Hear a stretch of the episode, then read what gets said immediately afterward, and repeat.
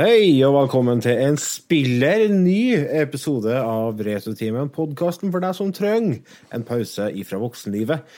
Vi er en podkast som prater om popkultur fra 60-tallet og fram til i dag. Vi skryter på oss at vi snakker om 60-tallet, men det har ikke vært så mye om det. Vi har snakka litt om eh, noen skrekkfilmer fra 60-tallet, og ja, det skjer lite.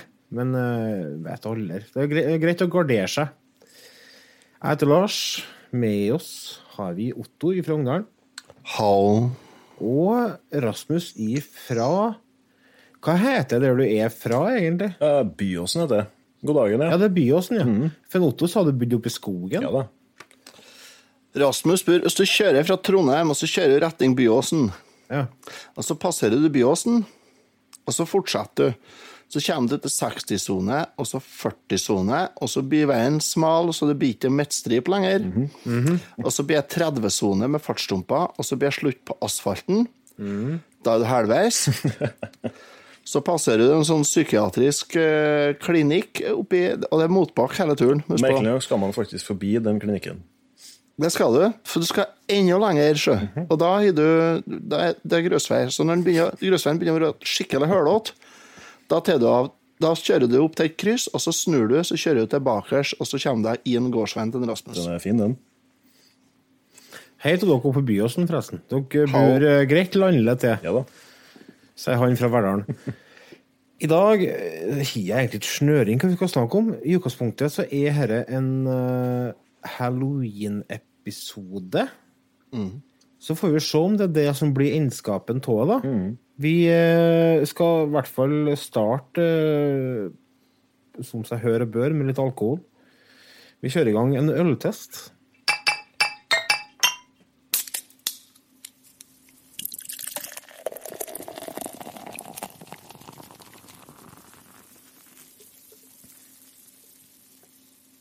Det ble faktisk eh, øltesten før jeg var gjort siden sist, og alt i hop, for vi var så gira på å få til oss øl her. Um, Otto har starta med hjemmebrygging eh, oppe i Ungdalen, til stor glede for naboene og til stor sorg for sin kjære fru, som Nei, til hun er glad i det, stadighet hun. er nødt til å finne kaien sin daudrukket i fjøset.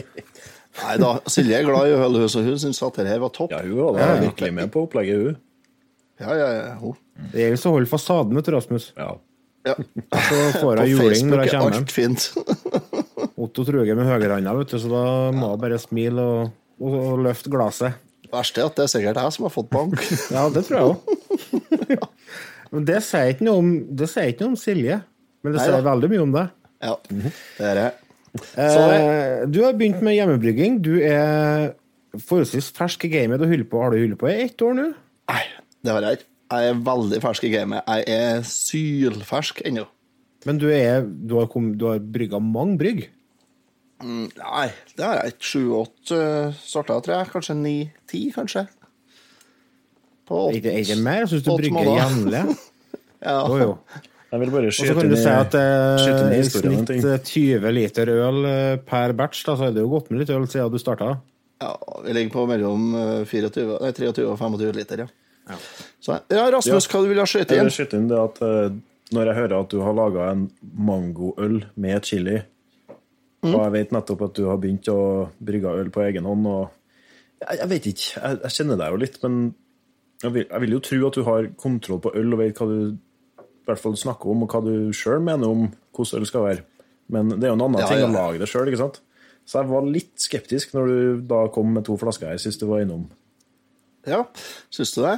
Ja, var du det? Ja, nei, altså Du er en liten rakker, altså, og jeg trodde jo du kom til å liksom Å, nå har jeg virkelig bomma på et, eh, et Ja, et brygg. Ja, du tenkte at nå gir jeg deg noe som virkelig har fått infeksjon, og som smaker rævfarm, ja. Nei, eh, clouet er det at eh, jeg syns det er artig med Alkohol. øl Ja, ja. Nei, men øl med litt ekstra eh, smak, altså litt sånn litt annerledes øl, det syns jeg er veldig artig og veldig godt. Så, så jeg bruker bestandig å teste hvis, hvis de har litt spennende sorter og sånt på en bar, eller sånt, så prøver jeg noe som er litt eh, Kan jeg godt prøve noe som er litt far out. Så jeg er veldig glad i det meste ifra, ifra mørk, kølsvart porter og stout og til, til surøl, altså. Ja. Så jeg er hele spennvidde. jeg. Jeg drikker nesten alt. Her, jeg. Har du smakt noe øl du ikke liker? Ja, Stjørdalsøl har jeg drukket litt. Det, Ja, det blir litt annet. Det er litt mer sånn tradisjonelt eh, gårdsøl, det. Ja, det er litt mer sånn eh, Sånn som du bruker hvis du plager med rev, f.eks., som er å stjele høna dine. Bare setter ut et glass med Stjørdalsøl, så er reven borte. Den kommer ikke etter meg, for det er ikke noen som drikker. Det er røkasmaken som er tøff å takle, tror jeg. Ja, eh, den er jo Og første gangen jeg smakte så var det i tillegg konsistensen, for det var så tjukt at det måtte nesten tygges. Og såpass. Ja, og så er det jo en For å si det mildt, så er det en, hef, en heftig røyksmak på det. Ja, det er det som gjør at det blir uh, intenst. Altså, det er jo ikke, det er jo ikke stand... Altså, Stjørdalsølet det er jo et maltøl som er brygga etter veldig gamle tradisjoner i området rundt Stjørdal i Trøndelag. Og det er jo lignende skårsøl har jo vært brygga rundt i hele Norge. Eh, siden førhistorisk tid, for å si det sånn. Ja, ja. Det er frem, uh, og den, har liksom, den tradisjonen har jo blitt eh, kommet litt mer i hevd nå enn sist åra med mikrobrygging. Fordi at Mm. ølbrygging har fått fokus igjen. Så det virker som at eh, de har fått litt mer eh, Ja, men Ja. Stjørdalsølet er er jo fremdeles et håndverk. Ja. Det er jo det er brygga på en helt annen måte enn det vi jeg og du brygger øl på. Ja, ja, herregud. Vi, vi er jo fer, det er jo omtrent ferdig sett vi bruker da. Det er jo ferdig oppmålt, og det er jo bare Ja. tømt i, til vann og rør. Mm. Men uh, når du driver med stjørdalsøl, eller sånn maltøl, da, så er det jo sviing av korn og ja, mye arbeid. Valsing og crossing Ja, det er mye arbeid. Så, men tilbake til øltesten. I dag skal vi teste en øl som jeg har brygga, som heter Fermona Mango Mongo. Et navn som bare triller av tunga. Ja. Mona Mango Mongo. Akk, alle er vi søkkere for bokstavrim. Så det er en pale ale. Eh, Veldig radig pale ale-oppskrift. eh, Ferdig sats sånn. Men dere har tilsatt eh, litt eh, sånn mango-chutney. Et par glass med mango-chutney som ble tilsatt uh, i kokinga. Hva er chutney, egentlig? Det er en sånn salsa. Mangosalsa. Okay. Ja. Så jeg kjøpte den billigste de har. Jeg husker ikke hvor jeg kjøpte den en gang. Så, men et par glass med det. Men det er med mango og litt chili i, så den er litt sånn eh, Den skal gi litt fylde i, i truten, da. Er meninga. Og så skal du ha en sånn, eh, en sånn fruktig smak i tillegg. Og der mm. Sjøl syns jeg jeg traff ganske godt. Fargen er Rasmus, hva vil du si om fargen? Den er veldig tåkete. Det er ikke så lett å se gjennom den. Nei, Lys, det er. Ja. Det er fordi at Rasmus han skjenker øl, så tar han og rister flaska først, og så skjøter han toppa av, og så holder flaska opp ned og får med alt å gjøre og sånt noe. Ja. Du mener Så- du hadde den i en sånn støtdempingskasse på vei ned fra Ungdalen, altså? Hadde ikke noe med transporten å gjøre? For en måned siden. Ja, for så vidt. Nei, men det, det skal virkelig sies at uh... Nei, den er ikke helt glass, glassklar, det er den ikke, men den er ganske klar. Men den er den, sånn den, den eh, har, har det travelt med å komme seg ut av flaska, ja. Så Ja, den er veldig godt karbo karbonert. Dæven, vi, jeg, jeg, jo, jeg og farsan laga jo burgermiddag her i går.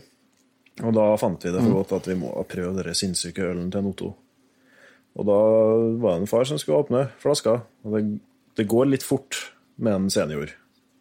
Og jeg sa det til ham, du må være utrolig forsiktig når du åpner. Galskapen er sikkert kjent å, Sputen kommer til å stå i taket. Og jeg vet ikke, han prøvde å være så forsiktig som mulig, han òg, men eh, det, ja. Det var et skum, ja. Ja. ja. Nei, det, det, det dugler med Det er dugelig karbonert. Den ligger på en uh, alkoholprosent på i underkant av seks, men jeg husker jeg skal sjekke det nå sånn kjappest, for eh, det kan jo være interessant for å vite hvor mye hvor mye fres det er til. Sant? Den sparker ikke så den hardt. da. er, nei, den er på 6,04, ja. Så den er på 6% ja. En peiling skal du ikke ha for mye alkohol heller. Nei, det skal ikke Så det, det her er før karbonering, så den er sikkert eh, skikkelig 6, ja.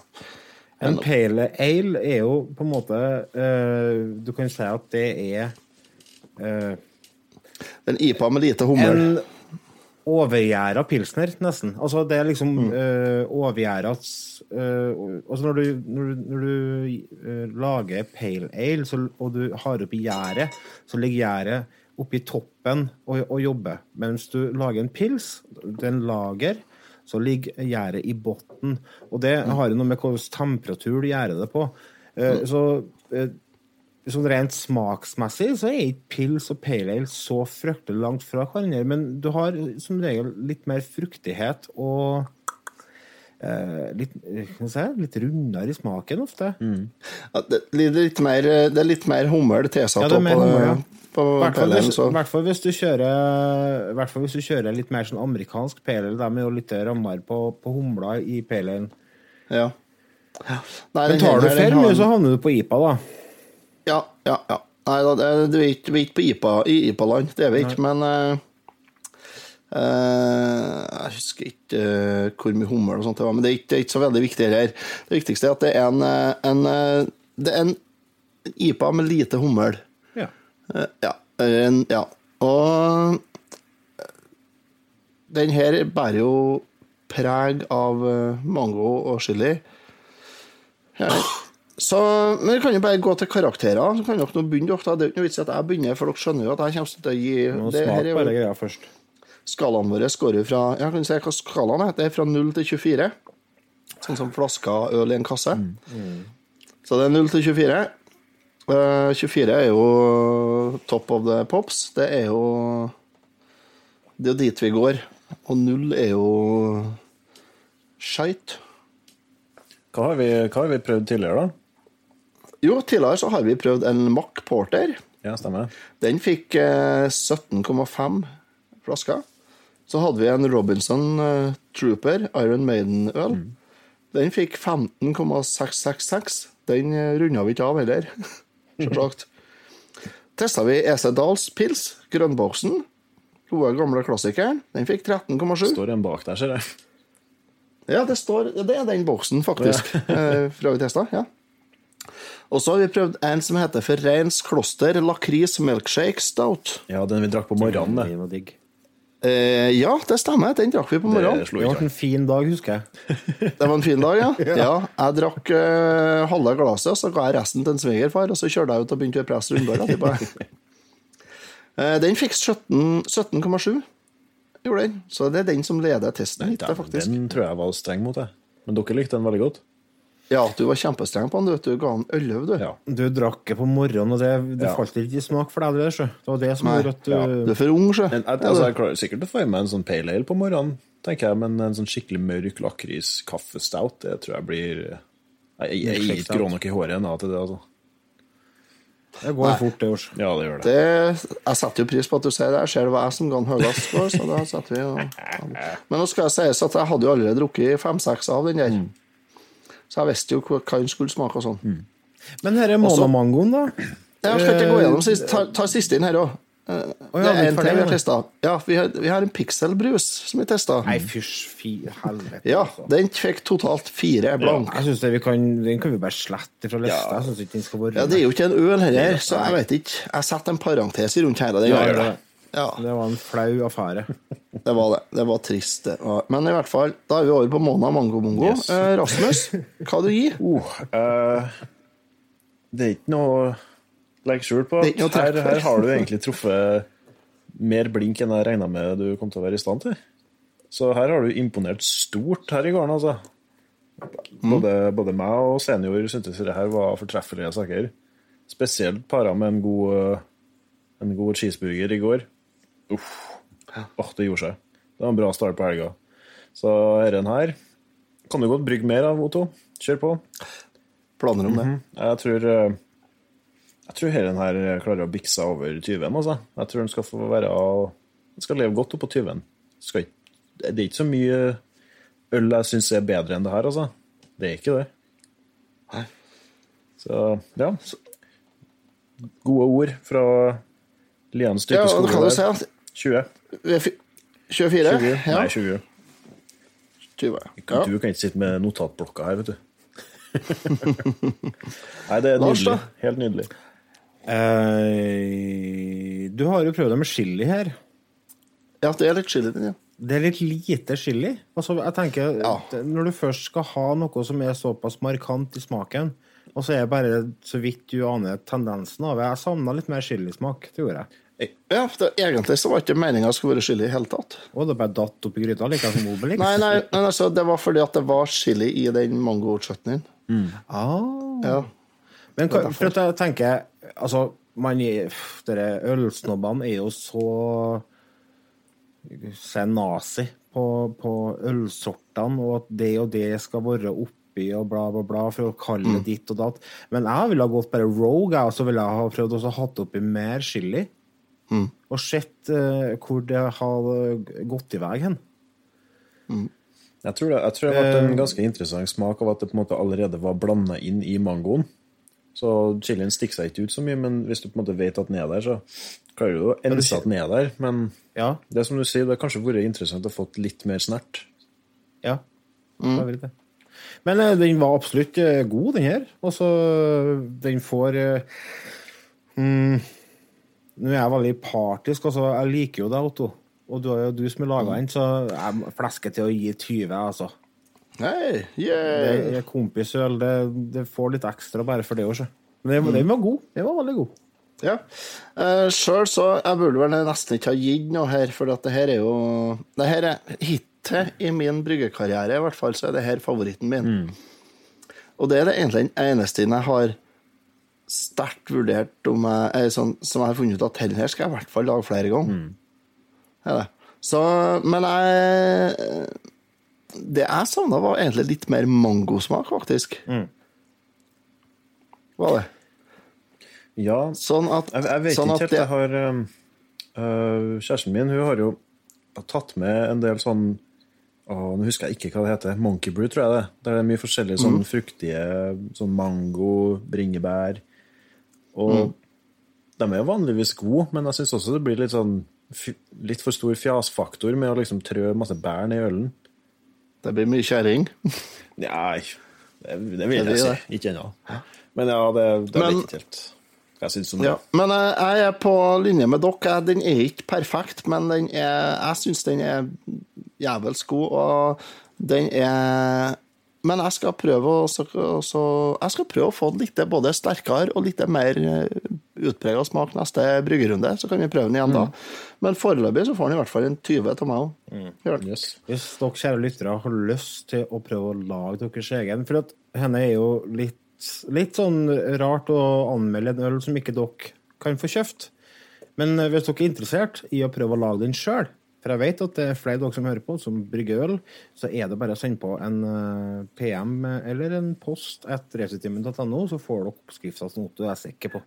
Helt klart. Den ligger òg åpent ut hvis du har en, eh, en Grainfather Connect eh, og bruker Grainfather-appen, så ligger den oppskrifta åpent ut under Mona Mango Mongo. Gjør det. Tøft. Høres bra ut. Da var vi ferdig med øltesten for en gang her, og da tror jeg faktisk vi skal ta det som vi vanligvis starter med, nemlig hva har du gjort siden sist? Så jeg vurderer om jeg skal krysse inn Panda. Det her blir jo ikke bra. Jeg ble kontakta av en bekjent, og han hadde 160-170 laserdiskplater. Hva heter det? Tvangsjakke? Eller tvangsgenser? Jeg husker ikke hva det heter. Tvangstrøye. Tvangstrøye. Tvangsgenser. Hva har du gjort siden sist? Rasmus, hva har du gjort siden sist? Ja, her har vi faktisk ganske mye godsaker å ta av. Men eh, jeg tror jeg skal starte med noe jeg hinta til siste episode, og det var nemlig den konserten som jeg var så heldig og vant eh, fire stykker billetter til. Gjennom eh, Workwork der. Det var mm, bare oppsummert så var det en quiz jeg og noen kompiser meldte oss på, og klarte å stikke av med premien der. Og så var det også ei trekning med, med sånn lapper i, ei krukke, som eh, jeg klarte å bli trukket ut av sånn 60-70 lapper og vinne to billetter til. Så der ble det store slem, og da tok jeg med meg kompisene mine fra Twin Stick Gamers, Petter og Odin og Adrian, og så dro vi på Science Fiction Symfoniorkester i Olavshallen. Ja. Det høres bra ut. Det var veldig bra. rett og slett. Nå er ikke jeg sånn, en sånn person som er så kultivert at jeg har fingeren på pulsen når det gjelder uh, symfoniorkester og sånn, men jeg har litt inntrykk av Kanskje dere kan støtte meg opp her, men jeg har inntrykk av at uh, Trondheim Symfoniorkester er ganske høyt anerkjent når det kommer til sånne ting. Ja, de er, de er det. De, er, de er vel eh, kremen i Norge, ja. Det er dem, og så er det Nidaros, eh, som Det er Janitsjar-orkesteret i Nidaros som, som vinner hvert år når det er sånn korps-NM. Ser ja. Og det er vel mye det samme musikere nå. Ja, nei, så det var Jeg har ikke akkurat vært på sånn orkester så mye. Og det er organisert i sammenheng med samme uh, gjengen som sto for dere Score. Og da var jo For noen år siden så var jo de eh, tok jo en norgesturné, så vidt jeg vet, og presenterte eh, kjent spillmusikk. Og det var jeg Jeg vet ikke hva jeg drev på med, men det burde jeg absolutt ha rota meg av gårde på, men det gjorde jeg ikke. Men eh, det er i hvert fall et sånn en gjeng som står bak uh, lignende ting. da, sånn uh, Science fiction var det som var nå, da. Og, men tidligere så har det vært spillmusikk og rollespillmusikk, tror jeg. Så det var veldig interessant. og liksom, altså Du merka på en måte at de kom fra et sånn ja, nå skal vi lage symfoniorkester for dem som vanligvis ikke drar på symfoniorkester. Så, Men det var også veldig greit, altså. Sånn, eh, ja, greit, Folk visste ikke nødvendigvis når de skulle klappe og ikke klappe, men de heller mer på den. Vi klapper heller mer enn å klappe for lite. Så det var alien-musikk. Det er bestandig et sjakktriks, så fremt du ikke er i ei begravelse. Ikke sant? Ja, det er sant. Det er stort sett i begravelser at applaus er sett ned på, ja. ja. Gode tips Og leventer der, altså. Ja, og så er klart, altså det er klart på teater også er applaus Der er applaus midt under er ofte ikke så positivt på teater. Men, men eh, sånn, altså, når sangen er ferdig, så hvorfor ikke klapp? Andre plasser der det er upassende å klappe, da? På venterommet til doktoren? Under fødsel, sier sier de. Å, Ja, det var ikke noe særlig. Nei, det klappa du, du? Nei, ja, det var klart. Hurra! her kommer han! Nei, jeg gjorde ikke det. Når folk kommer ut fra do, og så køa Ja. Køa står utenfor og klapper. Det, vet du, for en idé! Det skal, jeg- det skal jeg gjøre, og så skal jeg filme, og så skal jeg legge ut det på Facebooken vår. Det er altså når folk tar ut penger fra minibank. Ja. Du vant! Ja. Godt jobba! Det der har vi faktisk konseptet til en ganske bra sånn skjult kamera. altså. Ja. Ja, det, ja, det tror jeg. Det, det, åh, jeg tenkte jeg også fått lina opp eh, en gjeng med folk rundt Minibank. da, Så når det kommer noen og tar ut penger, så de får ut penger, så bare yeah! Jeg, jeg skremte jo vannet av ei dame. Det var jo, jeg skulle oppover til Verdalen og montere noen porter for noen år siden. Og så måtte jeg stoppe en bensinstasjon på veien. Jeg husker ikke helt hva det heter akkurat der, men det er i hvert fall en bensinstasjon som har eh, inngangen til kundetoalettet på baksida av bensinstasjonen. da. Og det var, klokka var sånn halv seks om morgenen. Ja, på Åsen. Det er mulig Ja, det det er heter Åsen, ja. Og så var jeg frost overalt, og regna ikke med at det kom til å være en sjel innen mils omkrets. Så jeg står og banker og river og sliter i jævla døra og holder på å pisse meg ut. Og så plutselig så kommer det noen ut der. Rimelig pen, blond jente. Og absolutt ikke det jeg hadde sett for meg. Og hun kommer ut der og ser Nei. ganske fornærma ut. Men der har det vært fint å line opp et lite en liten Da skulle vi ha klappa. Mm. det var fint. Yeah. Jeg har et annet triks som er artig på minibankkø. Eh, Når folk skal ta ut penger fra minibank, altså når de har fått pengene sine og, og tar kortet og får pengene sine, så snur de seg bestandig til venstre og går. Mm. Gjør de. Bestandig. Ikke jeg, for jeg er venstrehendt, så for meg er det naturlig å ta til høyre. Det er det. Nei, det er bare vanskelig. Uansett, da, vi drev egentlig og snakka om denne konserten. Jeg Ja, har, jeg har ikke så så mye mer å si om det, annet enn at uh, dæsken ta dem uh, De fikk det til. Mye interessant. Altså, det er jo ikke akkurat uh, sånn kjedelig musikk fra science fiction. Så det var Serenity, dere Firefly-serien, hadde en sånn, et spor inni der. Mye Star Wars, mye Star Trek. Uh, ja. generelt mye bra. Og så en termin eh, Ikke akkurat en solo, men det var et par eh, stykker der som hadde en sånn terminspiller som kom. Det var- Termin? Termin, ja. Ja. Og det er jo litt Den russiske synten. For dere, er det den russiske synthesizeren du tenker på, som styres gjennom gjennom å røre på hendene? Ja. Ja. Å, Har du vært borti det Otto? kult, da. Ja, jeg har sett det. Det er jo drittøft. Får sånn spøkelseslyder. Ja. Det blir bare sånn spøkelseslyder. Mm. Det er sånn halloween-instrument. Tydeligvis veldig vanskelig å spille på. Det har jeg hørt. Ja, for det er jo, det er jo fullstendig trinnløst. Altså, for dere lytterne som ikke skjønner nå hva vi snakker om, det er Du styrer med høyrehånda di, så styrer du volum, og med venstrehånda di så styrer du tonehøyde.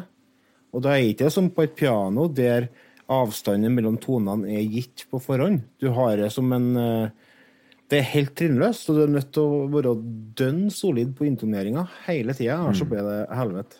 Ja, han rista litt på høyrehånda fra tid til annen, han som spilte. som han sa. Det er fordi, da får du den vibratoen, vet du. Da slipper du å intonere Ja, helt nei, men jeg tenker sånn, Han satte armene vekk fra terminen og rista løs litt. Rann. Jeg ble sliten. Ja. Ja, det, det er jo ikke uvanlig å bli sliten i høyrehånda hvis en må spille lenge. Mm, ja, vi, vi kjenner jo til det. Det kommer du til å oppleve, du òg, Rasmus, når du blir voksen. Fin er du da, Otto Greben, hva har du gjort siden sist, du? Oppe i Ungdalen? Jo, eh, jeg har et interessant eksperiment gående per nå. Ekskrement eller eksperiment? Eksperiment. Eksperiment. Ok. Eksperiment, ekskrementene er ikke så interessante, altså. Nei, ikke så veldig. Uh, nei, jeg har eh, Vi har ikke jeg nå, så nå skal jeg ikke eh, ta på meg noe ære her. Men hun jeg bor i lag med, hun jeg deler kjøleskap med, som en kan man si. Ja. Uh, hun har pussa opp et barnerom i kjelleren her nå. Så vi har flytta et barn ned i kjeller.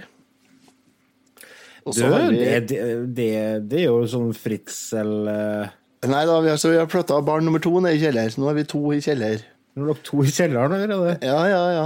Det er bedre med to barn i kjelleren enn én oppe på loftet, Så. en på taket. En på taket. ja, så, men har ikke du spillrommet ditt nede i kjelleren, da? Jo, jeg hadde det, vet du. Oh. Eh, det gamle. Det gamle. Jo, jo, før jeg bygde kjellerstua. Ja. Ja. Ja, Så det er det rommet som var spillrommet mitt før jeg bygde kjellerstua, som er tatt i bruk som barnerom nå. Ja. Ja. Så, så da har vi har jeg, I tillegg til å gjøre det, så har jeg shina opp det rommet som ble ledig opp.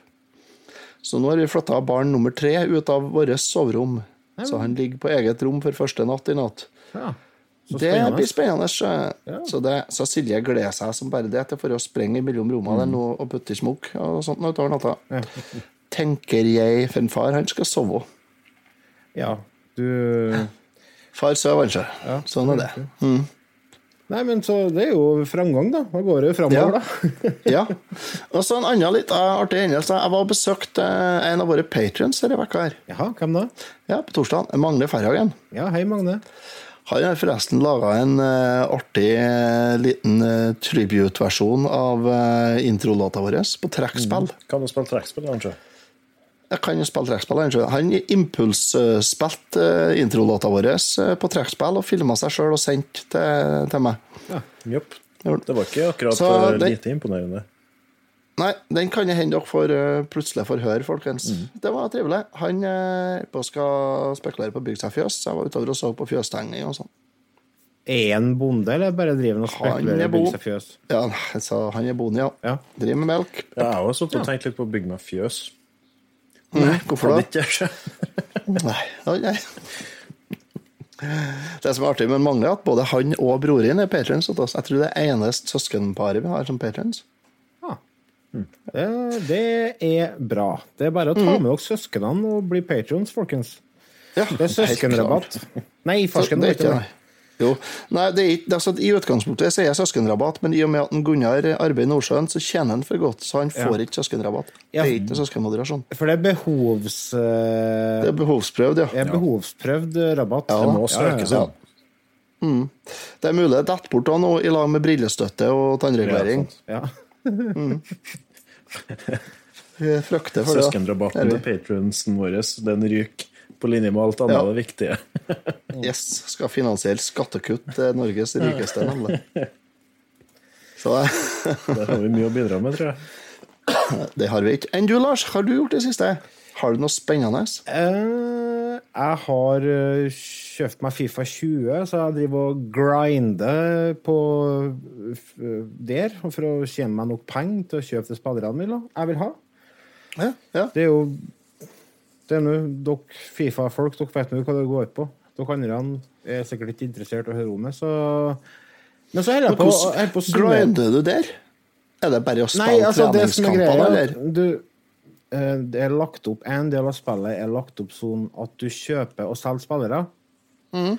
Og da eh, kan du velge å kjøpe eh, bestemte spillere, eller du kan kjøpe deg sånne pakker med eh, spillere som du ikke vet hvem er på forhånd. Og da kjøper Mm. du etter verdi. altså Du kjøper bronsepakke eller sølvpakke eller gullpakke. sant?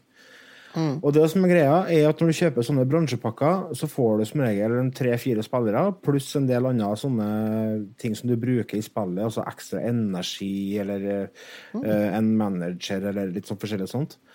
Og da er det så enkelt som å bare legge ut alle spillerne i pakken til uh, 200, og så bare driver du og så legger du til gang på gang på gang på gang, helt til de er ferdigstelt. Og så tjener du litt etter litt etter litt. Og til slutt så får du råd til å kjøpe deg den spilleren som du kanskje har lyst på. Men holder det samme gode kvaliteten som den tidligere FIFA-spilleren, eller er det Har de Det er beste Fifaen så langt. Ja, det er det. Ja, de Ja, jeg, tror, vel eh, jeg, spilte, jeg, jeg begynte ikke å spille Fifa før i Fifa 17. Eh, men jeg syns ikke det var noe spesielt framgang fra 18 til 19. Men fra 19 til 20 så er det en god del ting som er forandra, som er uh, veldig bra. Altså, blant annet måten du forsvar, uh, kjører forsvaret ditt på, måten du tar frispark, straffespark er forandra. Uh, Ja, det er mye forbedringer, er det. Og det er lagt til en del andre nye moduser, og så det, det er kjempebra. Hvis du liker Fifa, så anbefaler jeg Fifa 20. En annen ting jeg har gjort, er at jeg er på å summere opp, eller jeg på tar innspurten på How I Met Your Mother. Jeg har, eh, Ja. Det er en TV-serie, romantisk komedie, eh, som handler om en sånn Altså, det, det, det Egentlig er Friends. Bare at det er fra 2005 til 2014. Det er egentlig ganske bra sagt. Det er ganske likt ja. Friends, ja. Ja, det har veldig mye likhetstrekk, men det er en veldig, veldig artig serie, og med veldig mye elskverdige karakterer og psykopater og mye bra humor. Så nå er jeg på sesong ni, som er siste sesongen, og det er, jeg tror jeg er fire episoder igjen der nå. Så jeg har sett 204 episoder. Fire igjen. Og jeg regner med jeg ser ferdig dem i morgen. Jeg gleder meg til å bli ferdig med det, og Endelig finne gruer meg litt òg. Det blir sånn litt trist å bli ferdig med sånne serier, syns jeg. Jo da. Men får man egentlig vite hvem eller hvordan man har møtt uh, mora deres? Sånn hele Ja, ja. i serien her er jo at det er faren til noen driver og forteller om hvordan Ja. møtte uh, ja, mora deres, og så bruker han litt tid på det. Kommer liksom ikke helt til poenget. Ni sesonger tok det, som du Det er faktisk Bob Saget som har stemmen til, til faren som sitter og forteller til, til, Ja. til de to ungene i den sofaen, som hele, alle episodene starter med. Å presentere premisset for den episoden. Eh, Men jo, du får, du får høre hvordan eh, de ble treftes, og hvordan de ble i lag og sånn, ja. Liker det å si. Ja. Nei, det er en, i hvert fall en veldig fin serie som eh, Hvis dere liker uh, upretensiøs komedieserie komedieserier med til tider veldig veldig politisk ukorrekt humor i mm. Den er jo før metoo. Ja. Så det er veldig sånn jo- merkelig kvinnesyn ute og går her. Du har Men, jo en eh, av karakterene som er sånn sjekkeguru med litt utradisjonelle Ja. metoder. Ja. Så, Vet du, liten eh, kontroversiell utblåsning fra Greiersen her. Ah, Få høre. Dette blir bra. Jeg syns humor var bedre før metoo. Ja. er forskjell, da? Ja, det er det. Altså, jeg tenker Jeg syns humor var bedre før folk var redd for å støte andre folk. Hvis du skjønner? så før folk var redd for å bli anklaga for å være sexistisk og, og sånn. Jo, så før metoo var humoren bedre, syns jeg. Jeg syns det På mange måter så er det jo Folk skorer jo seg på å være politisk ukorrekt, nå som eksempel Bill Burr. Han mm. gjør jo et stort poeng ut av å være mannssjåvinist. Mm. Altså, han er ikke noe artigere nå enn han var før metoo, for å si det sånn. Nei. Men så er det at det er, det er mindre um, Hva skal jeg si?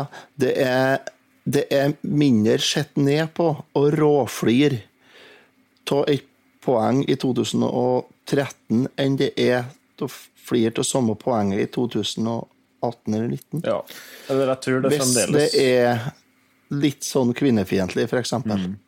Ja, jeg, tror det, jeg tror det kommer til å gå seg til, egentlig. Altså, det, det lønner seg vel kanskje trå litt mer varsomt hvis du skal ut på det området, da. Men så lenge, man roer, så lenge hele greia får roa seg et, eh, et par år nå, så tror jeg egentlig det kommer til å være spillerom for å liksom dra frem en, en spøk i ny og ne i god smak. Det tror jeg ordner seg. Men uh, akkurat nå så er det litt, uh, litt høy temperatur ute og går, ja.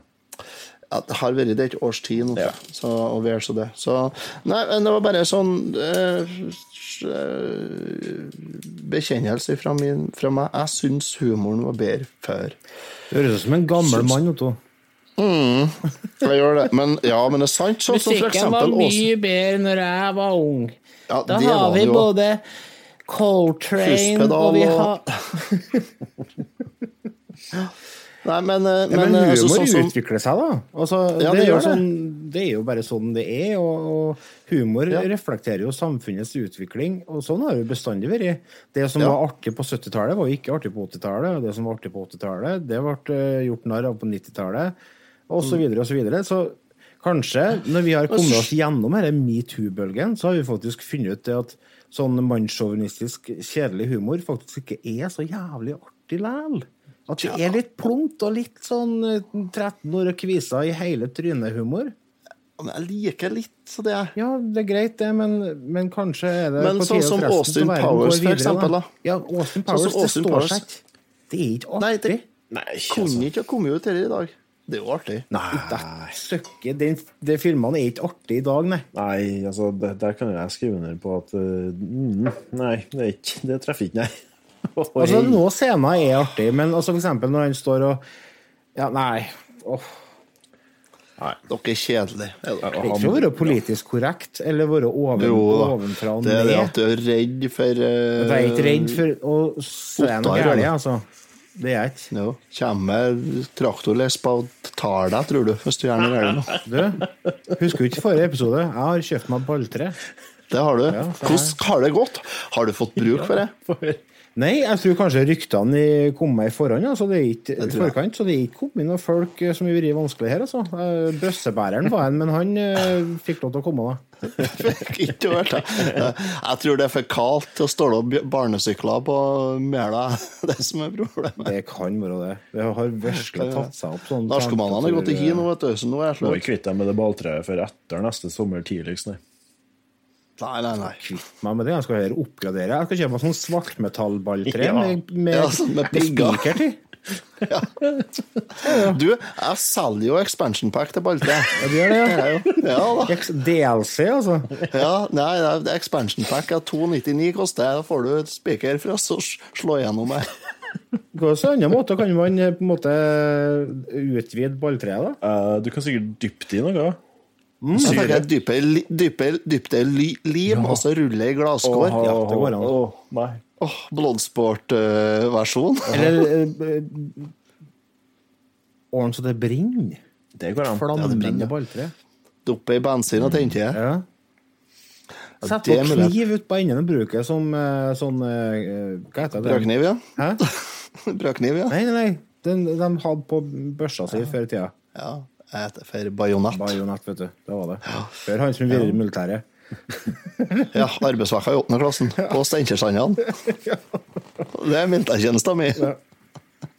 Så, ja, ja. Du snakker jo om bensin og tenner på. Så dere det der nyhetsklippet på VG? Han som eh, spanjolen som plagdes med kakerlakker i hagen? Nei. Nei.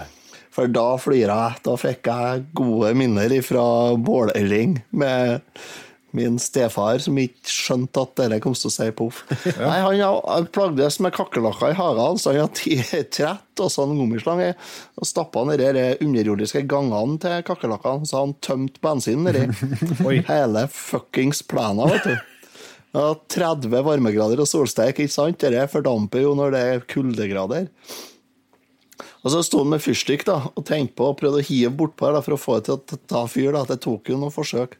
Omsider fikk jeg det, så sa jeg bare blam! Så var hele plana ferdigpløgd. Tørvspruten sto rundt, og det var bare en potetåker igjen. Heftig. Minner om når farsan og naboen skulle ta og sprenge opp brønnen oppe i hytta oppe i Selbu. Litt lite vannreservoar. da, så På en varm sommer så blir det litt lite vann oppi her, så da, da måtte vi sprenge opp litt. Men noe dynamitt da, vet Du må gå opp til hytta òg, vet du. Så det, jeg får noe der med dynamitt og vaser. da. Skjønner ikke at jeg får tak i sånt. Eller? Ja, ja. Uansett, da, de liksom polstra alle vinduene med madrasser og dyner og sånn, og så gjemte de seg på andre sida av hytta, og så viste de av gårde. Det regna. Regna stein over hele området oppe. Ja, ja. Skulle vært Ja, men det er jo, Filma det det. er jo midt oppi skjøtefeltet, vet du. Hvor er den? Deres. Den ligger Er ikke på Hjerkinn, Ja, den ene. Vi har to, vet du. Dere har to, ja. ja. Det må man ha. Bare to? Ja, nei, Vi har et gammelt eh, bygg stående oppå ei myr oppe i Nekkobjørgen. Fin plass. Oppi? Nekkobjørgen. Det høres ut som eh, vokalisten i noe dødsmetallband. Nekkobjørgen von Death. Hvor er det hen, da? Eh, Det er et stykke oppover en dal eh, forbi Selbu. Å ja. Jaha. Ja. Ja. Yes. Et u- ualminnelig sted. Men uansett, vi har vel et hovedtema vi skal prøve å tjatre oss bort til. Ja, ja, ja, det er hallo- halloween. Hvordan, eh, hvordan vin har dere?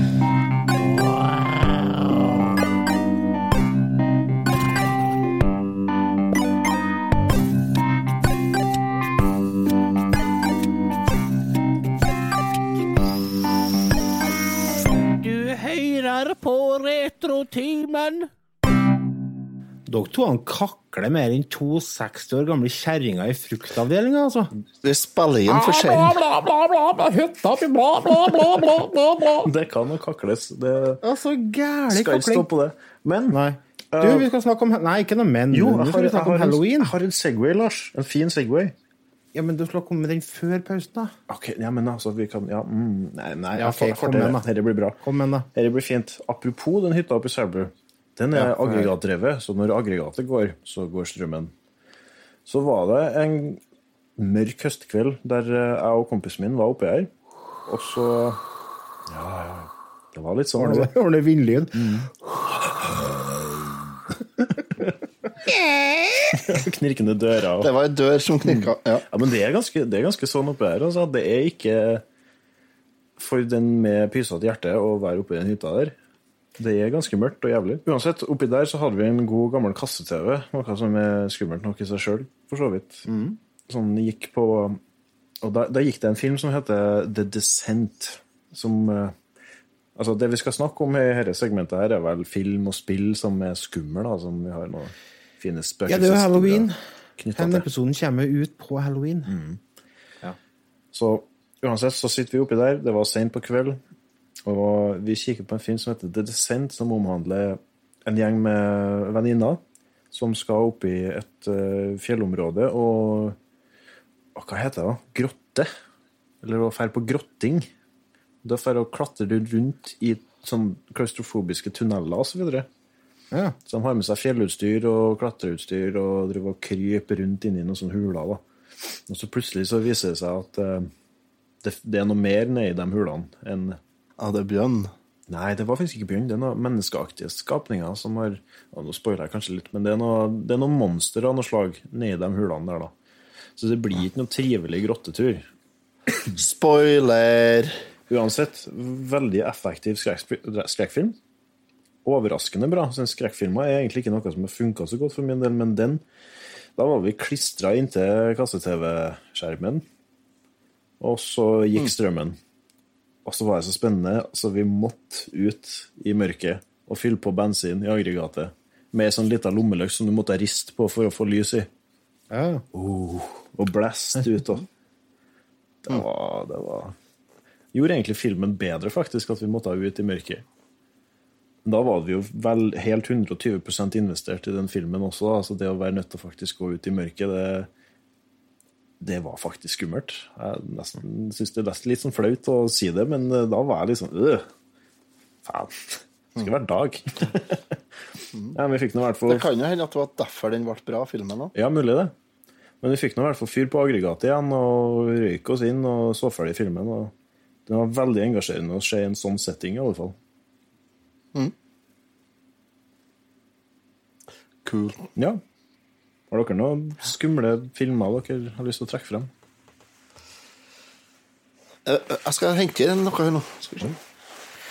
Jeg kan uh, spille av en liten trailer her, før mens Otto er ute og surrer rundt.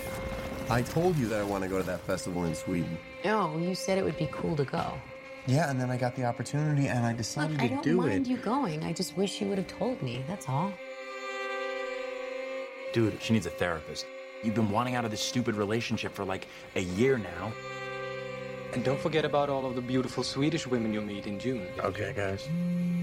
That's not her again. Seriously? Babe, what's happening? Danny. I was so very sorry to hear about what happened. I'm sorry.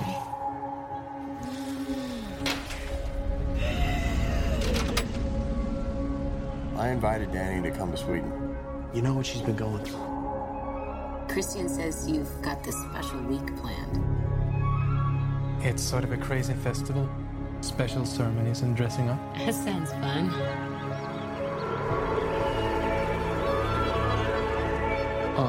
Unbelievable. Welcome and happy midsummer. Skål! What time is it?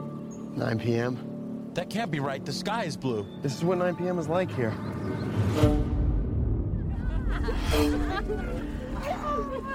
How long have you two been together? Just over three and a half years. Four years. Really? Yeah? What do you think? It's like another world. Tomorrow's a big day. Is it scary? What is it? It has special properties. What am I going through? We just need to acclimate. I don't want to acclimate. I want to go. Absolutely not. What's happening? I don't know why you invited us. That's why you look so guilty right now because you know. We only do this every 90 years.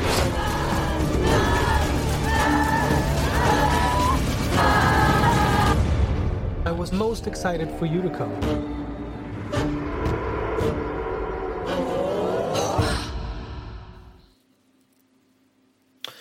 Det dere hørte nå, var traileren til en film som kom ut i 2019, som heter 'Midtsommer'. Den er laga av eh, en eh, person som heter Ari Aster. Og for dere som er filminteressert, så det er samme fyren som har laga filmen 'Hereditary'. Er det den heter? Hereditary, ja. Hereditary. vet du. Dette her er en film som handler om eh, en ung student som heter for Danny Ardor. Det er ei jente, da. Hun blir heftig traumatisert etter at søstera hennes tar livet av seg sjøl og foreldrene sin eh, gjennom å forgifte dem med karbonmonoksid. Og ja, det er på en måte starten på en veldig traumatisk tid for uh, hovedpersonen i, i filmen. Um, altså, et år fram i tid så finner jeg ut det at kjæresten har planlagt tur uten å inkludere hun. Men eh, litt sånn eh, litt fram og tilbake, så etter hvert så får jeg, får jeg være med da. I lag med kjæresten og vennegjengen. De skal til Helsingland i eh, Altså det er rett nede med Jämtland i Sverige. til en plass som heter for Horga, og så skal de dit og feire midtsommer. Altså Det Etter hvert som de kommer dit, og de begynner å lande litt etter reisa, så merker de at ting er kanskje ikke helt sånn som de eh, har sett for seg. da. Først så liksom Det skurrer liksom med en gang de kommer dit. Eh, Folk går i samme klærne, og det er sånn veldig sånn merkelig stemning der. Og det blir bare, liksom bare mer og mer absurd og mer og mer creepy. eh, Til det hele eksploderer i et uh,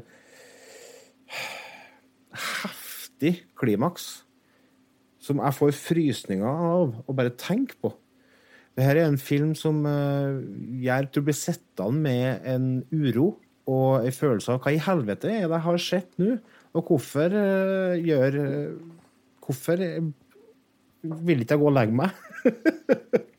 det er absolutt en film å anbefale nå på halloween. Den ligger kanskje ut på Nei, det er kanskje litt tidlig at den ligger ut på, på Netflix, men uh, dere vet jo hvor dere finner sånne filmer. Men var ikke noe som s- Men det var snakk om at den 'Midtsommer' lå på Netflix? Jo, kanskje den gjør det. Uh, Den gikk på så- kino i sommer. Ja. Den har eh, i hvert fall kommet ut i sånn ja, pirat. Vi kaller det spade for spade. Den har kommet ut på torrentsidene. Så hvis dere har lyst til å se den uten å uten å gå de lovlige veiene, så ligger den ute på sånne sider. Ellers så kan dere sjekke Netflix. Kanskje ligger den der. Nei, den ligger ikke på Netflix som 'Midtsommer', i hvert fall. Nei. Det er en film som er veldig inspirert av en annen eh, kjent eh, sånn skrekkfilm. Som heter Wicker Man. Har dere sett den? Nei. Det er en, ja, det er en litt sånn kultfilm fra 1973 med annet Christopher Lee. På norsk så heter den 'Narrens konge'. Det er en britisk film fra 73 ja, med sånn blanding av thriller og skrekk og musical. Oh, ja.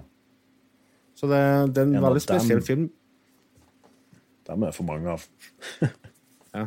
Den ble faktisk utnevnt i 2004 til den sjette beste britiske filmen noensinne. Altså sjetteplass, liksom. Men jo, det, altså, med tanke på at det er en film dere ikke har hørt om, Jo, så hørt om er det en jævlig bra Ja. film. Ja, jeg har hørt om filmen. Jeg har hørt om Wickerman, men har ikke sett den. Kvestmann. Ikke. Nei. Eh, Jeg aner ikke eh, Jeg hadde ikke peiling på hva det var, men jeg har hørt filmen nevnt. Ja. Jeg tror kanskje jeg har hørt den nevnt i sammenheng med 'Midtsommer' og forresten. Ja. Tror jeg kanskje. det. Har dere sett noe, det er sånn Det blir et nei. Det blir et nei fra deg, enn fra Rasmus. Hva har du spurt om, da? Om du har sett filmen? Wickerman? Uh, nei, 'Midtsommer'. Nei, har ikke. Ja, den blir ikke sett heller, kan jeg røpe. Oh. Hen i går, da. Det kan Ja. godt hende at jeg Det- ser den, ja. ja. Ja. Nei, jeg det s- skummelt. Skal ikke ha noe skummelt. Du er ikke så glad i sånt, du? Nei. Verken på Fysikk. film- eller spillfronten? Nei, jeg ser ikke noe grunn til å prøve å ta livet av meg til sånt, nei. Jeg likte det ikke før, jeg heller, men jeg begynte å få sansen for enn du de siste to-tre åra. Mm. Jeg er gamlere enn deg, Lars, så det blir ikke på på meg, da. Det er rart. Det er noe altså. med den adrenalinet du får. Det, det er noe litt, uh... merkelig med det. Altså. Jeg, jeg har Ja. alltid vært sånn at jeg har virkelig jaga etter det å bli skremt. Ja. Jeg vet ikke hva det kommer av. Men uh, når jeg var Barndomsdrømme. Hm? altså, Det var vel egentlig Hva, hva sa du nå? Jeg sa ingenting. Faen, bare jeg til episoden kommer ut og hører høre hva du sa. da. Ja, Coop, ass. Uansett, da. Jeg syns alltid at skrekkspill og skrekkfilmer og sånn, på en måte prøve å skremme meg sjøl, har vært veldig interessant. Eh, men det er en sånn man må passe på litt også. Det, det er en terskel du når der ting plutselig ikke er skummelt lenger. Og det er litt Ja. synd. Nå, er, nå skal det virkelig et godt skrekkspill og en skikkelig skummel skrekkfilm til for at jeg skal i det hele tatt kjenne på noe av de uh, ekle følelsene. Det er litt dumt. Men det har vært mye gode opplevelser opp igjennom, da. Jeg tror jeg starta med Resident Evil. Det er der, vet du, du, du, har, du er så begrepsforvirra òg, vet du. Det har vært mye gode opplevelser opp igjennom. Det har ikke Du har blitt skremt! Ja, Det har vært supert, det. Det er nydelig. ja det, er- det er det er flott.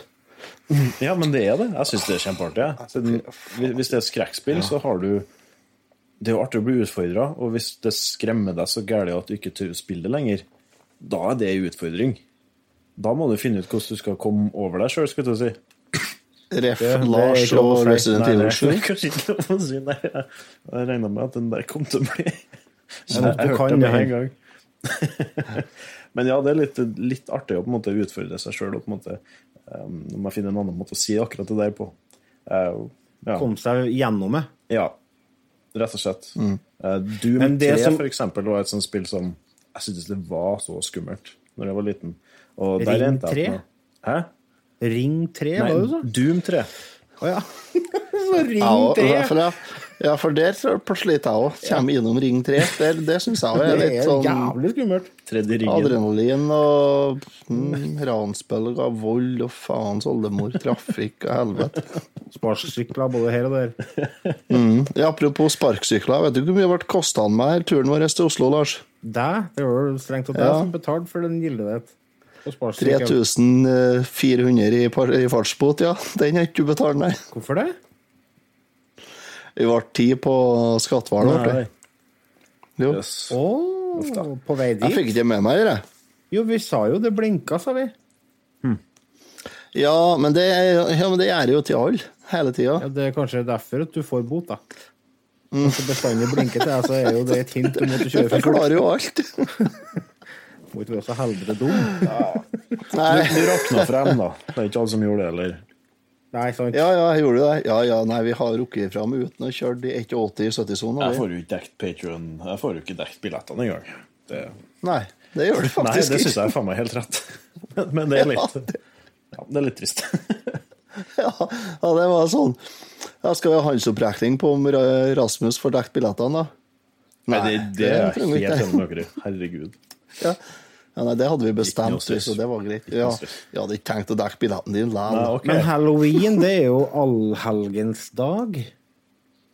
Eh, På primstaven så er det merka med omvendt skip. Hvorfor i helsike? Hva, Ja, vi feirer de døde, tør jeg vet du. spørre hva en primstav er? Nei, skjerp Ja. Å, herregud. Det er en gammeldags kalender som viser merk merkedagene i løpet av Jeg er rimelig sikker på at jeg ble født etter at primstaver var long gone. Ah, tull. Primstav har vi brukt helt til nå sist. Uh, Ja, vi brukte den helt opp til i fjor, vi. Ja, det er faen mer enn to år siden vi slutta med det. Maks to år, ja. Men du, Ja, den- han er jo ikke så stødig på denne med klokkeslett og dato og sånt, så det, Nei, det er sant. Det er, sant. for, da. Nei, det er jo fordi at den ikke gir primstav. Tror jeg benytter Ja, anledningen til å ta meg en tur på toaletten, så kan dere mobbe meg mens jeg er borte. Gå på do, du. Det er greit, det. Ta med en øl åt meg. Står i fryseren. Jeg går og henter meg en øl, leser, så får du klippe, eh, Lars. For jeg kommer med spill etterpå. Ja.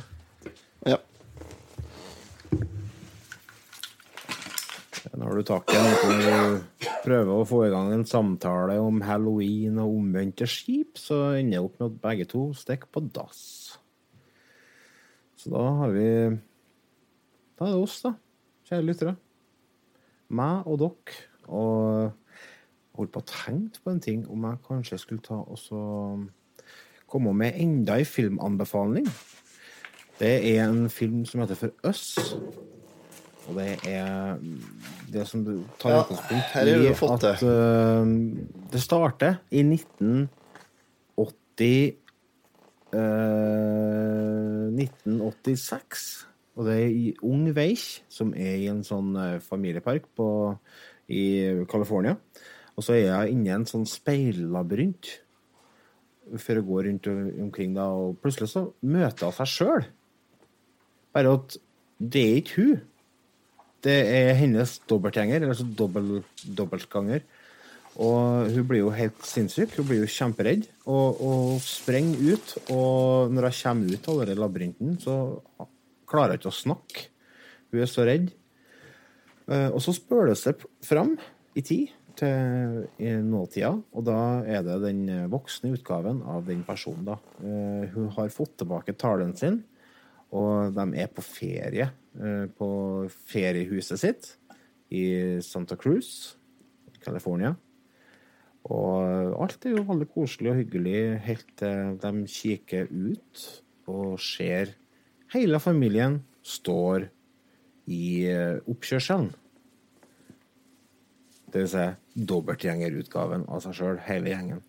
Dette er enda en sånn film som er eh, urovekkende og, og ekkel. Eh, den er eh, laga av en person som heter Jordan Peel. Han eh, er vel kanskje mer kjent for folk eh, flest for eh, eh, Ja, hva skal jeg si, da? Black Clansman, det er han som har laga. Ja. Og Get Out det var, var jo, ble jo en veldig populær horrorfilm fra 2017. Med han, eh, han svarte ungdommen som kommer i det hvite nabolaget da med Mm. kjæresten sin. Har dere sett den? Jeg så trailerne. Det var veldig nære jeg får på kino, ja. Ja. Veldig bra film. Her er her, eh, som sagt, en film som heter Øst, da. Og den det er en film som er verdt å se. Så anbefaler dere den. Da har gutta krutt kommet tilbake fra do igjen. Ja. Ja, og jeg henta meg vel da, da. Jeg var ikke på do. Ja. Jeg hadde jo lagt en IPA i fryseren for å få den eh, hurtigkald til, til midtveis innspilling her. Hvordan eh, feirer dere Eller Otto, du har jo unger. Feirer dere halloween? Mhm. Er vi. Vi slår av lyset, og så leser vi som vi ikke er hjemme. Vil ikke ungene gå og samle godter? Du Det er så langt, vet du. Hvor langt skal de gå, da.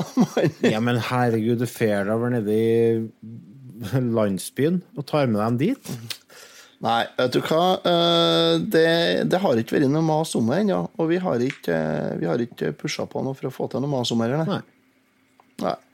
Men jeg regner med at det kommer. Sjøl har jeg aldri hatt noe forhold til det der. hadde jeg. Nei, det var ikke jeg heller, men det var jo fordi at vi ble født sånn rundt Olsok.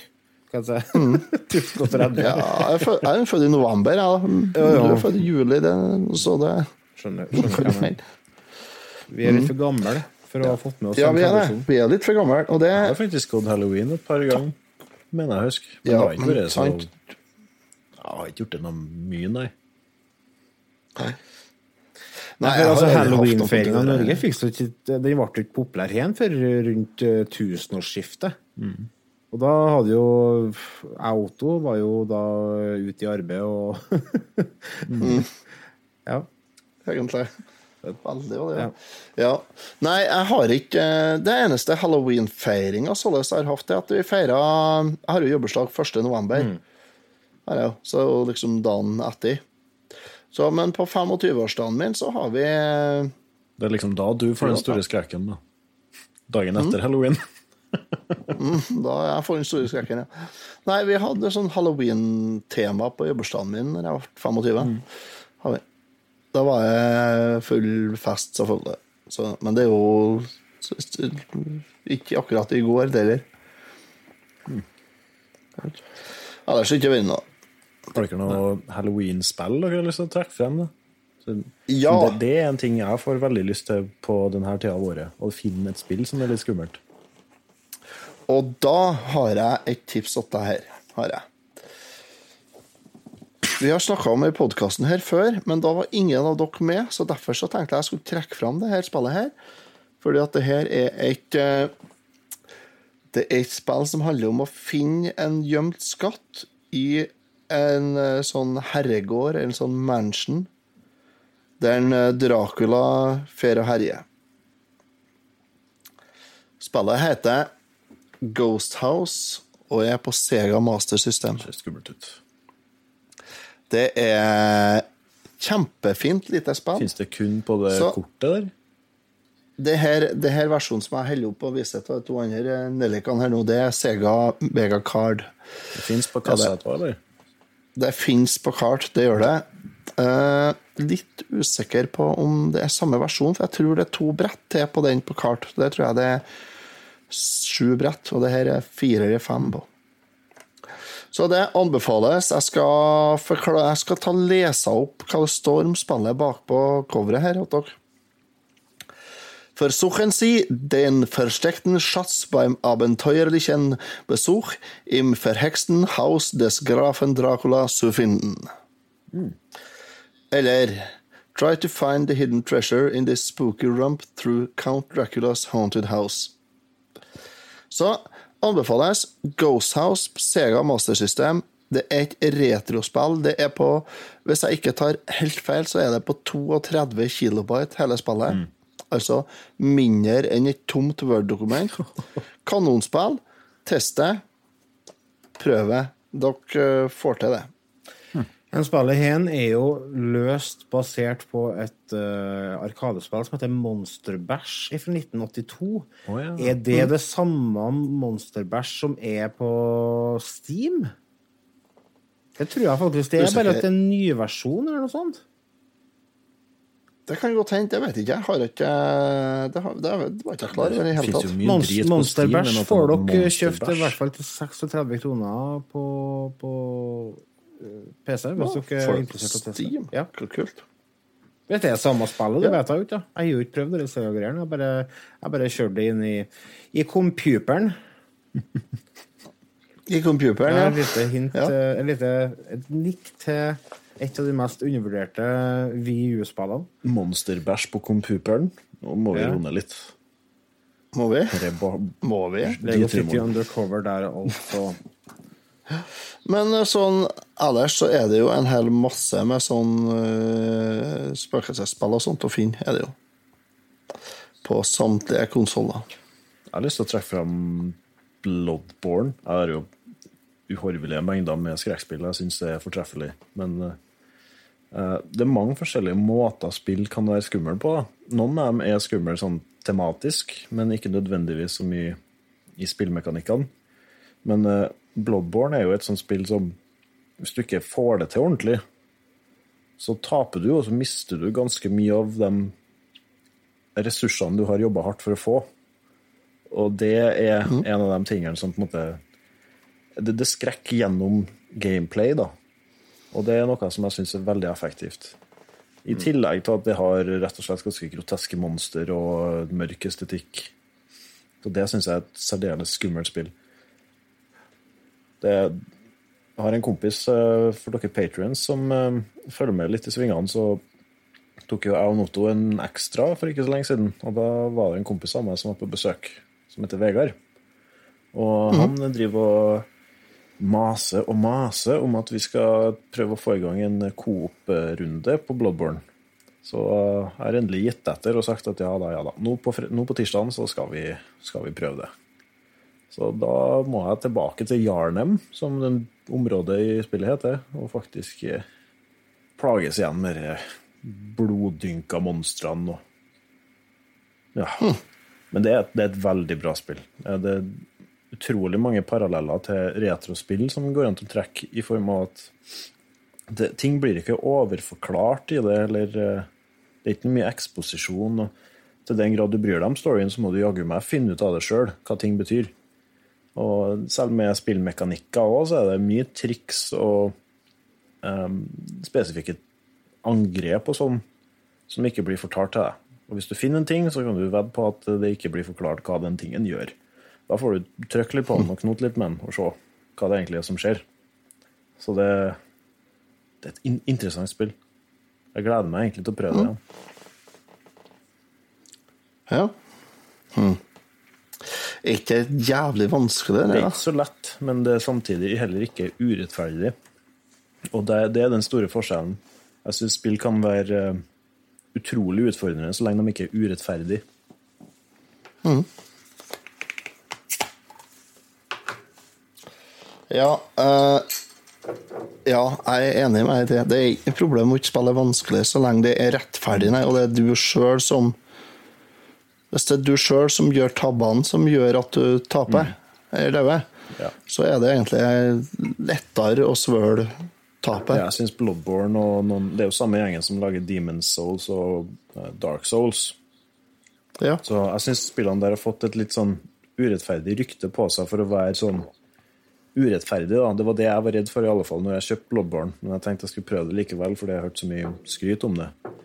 Og Det er ei tids- tidstrøyte. Altså, det, du kommer til å være nødt til å bruke mye tid på det hvis du skal bli god.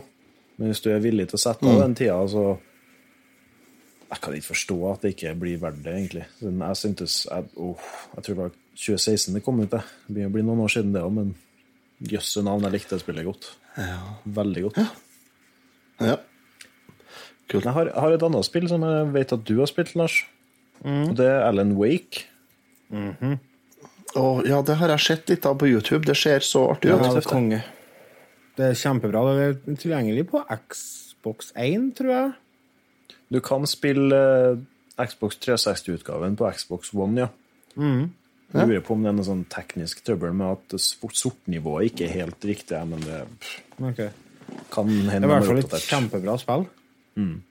Det er så stemning i det spillet. Altså ehm, En av mekanikkene i spillet er at når du står i en stråle av lys, så er du trygg. Mm. Og akkurat det er så effektivt. For du blir jo jaga av forskjellige monstre og sånne ting, og så er liksom, ser du eh, kanskje en løkstølpe langt borti her, og så må du prøve å komme deg dit før du blir tatt. da. Eh, og i tillegg til at det er litt sånn Det er nesten litt sånn Twin Peaks-feeling over det spillet, egentlig. Veldig. Er, lokasjonen er jeg liker veldig godt sånn uh, avsidesliggende nordamerikansk uh, Mm. Ja, det er skikkelig fint. Men det, det er jo egentlig historien der som er det store trekkplasteret. Ja.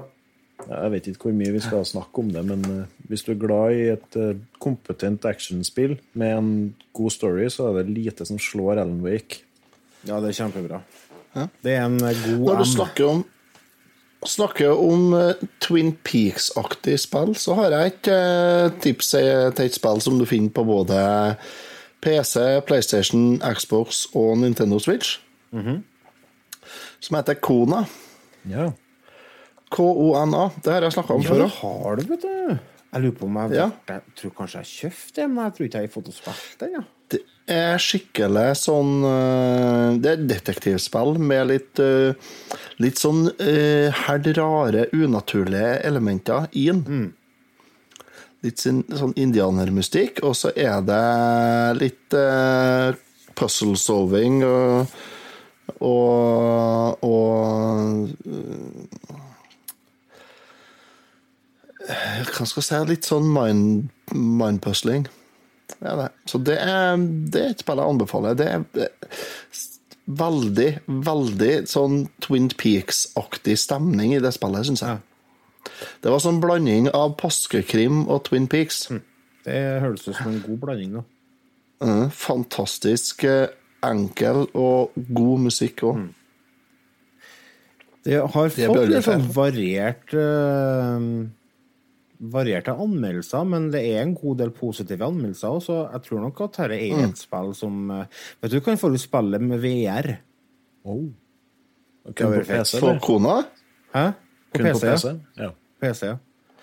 Kona, det? Kona, ja. Nå kan du spille VR. Du er sikker på at du ikke kan det på PS4 òg? Det er litt sånn, Ja, det det en en- trend til at litt sånn eh, indie-aktige spill, med ikke sånn veldig stor eh, eh, støtte fra store utgivere, de får ofte støtte for VR-headset på PC, men ikke nødvendigvis på PlayStation 4. For eksempel Subnautica har ikke eh, PlayStation VR-støtte, og Kona finnes sikkert på PS4 også. Det gjør det. Men eh, da tror jeg ikke det er VR der. Men det skal ikke jeg si for sikkert, da. Det vet jeg ikke. Nei, eh, det står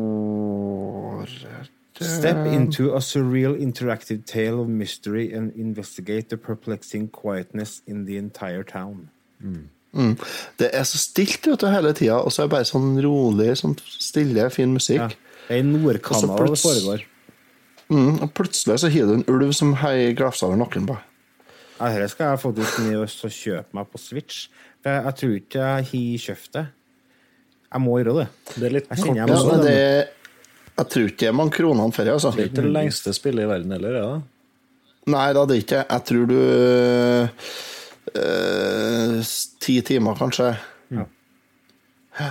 Så, men eh, jeg lurer på om jeg kjøpte Jo, jeg kjøpte jo i forbindelse med skal jeg, si, jeg kjøpte når Even kom til, tror jeg. Den yngste sønnen min. Men jeg gjorde det er, min- jeg, blir minner på et annet spill som også har fire bokstaver, og det er Zoma. Um, Gjør du kjenner dere til det? Med C? Nei, med S. Nei. Det, det er utvikla av um, oh, La meg klemme litt på hjernebarken her nå.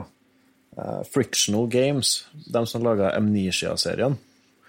Det er jo et sånn uh, hva- Et av de mest kjente skrekkspillene i nyere tid. Amnesia-serien. Ja. Og de fulgte opp det der med et uh, litt sånn dystopisk science fiction-spill som heter Zoma. Der mm. jeg syns ikke det er like skummelt som eh, ja, for eksempel Amnesia eller de tidligere spillene i, i, som spillstudio har under belta, f.eks. Penumbra-serien. De, Penumbra-serien er ganske skummel. Men eh, Soma er, prinsippet der er at du er en karakter som lever et fint liv, som skal bare inn eh, blitt invitert til å være med på en sånn eh, eh, studentundersøkelse, der de skal kartlegge eh, hjernen. Så han setter seg i en sånn skannermaskin og blir eh, hjerneskanna. Og så plutselig hopper det frem eh, vet ikke mange hundre år, og så våkner du opp i en robotkropp. Og du er i en sånn forskningslaboratorium, helt mutters alene, på bunnen av havet, der jordkloden har gått til dundas.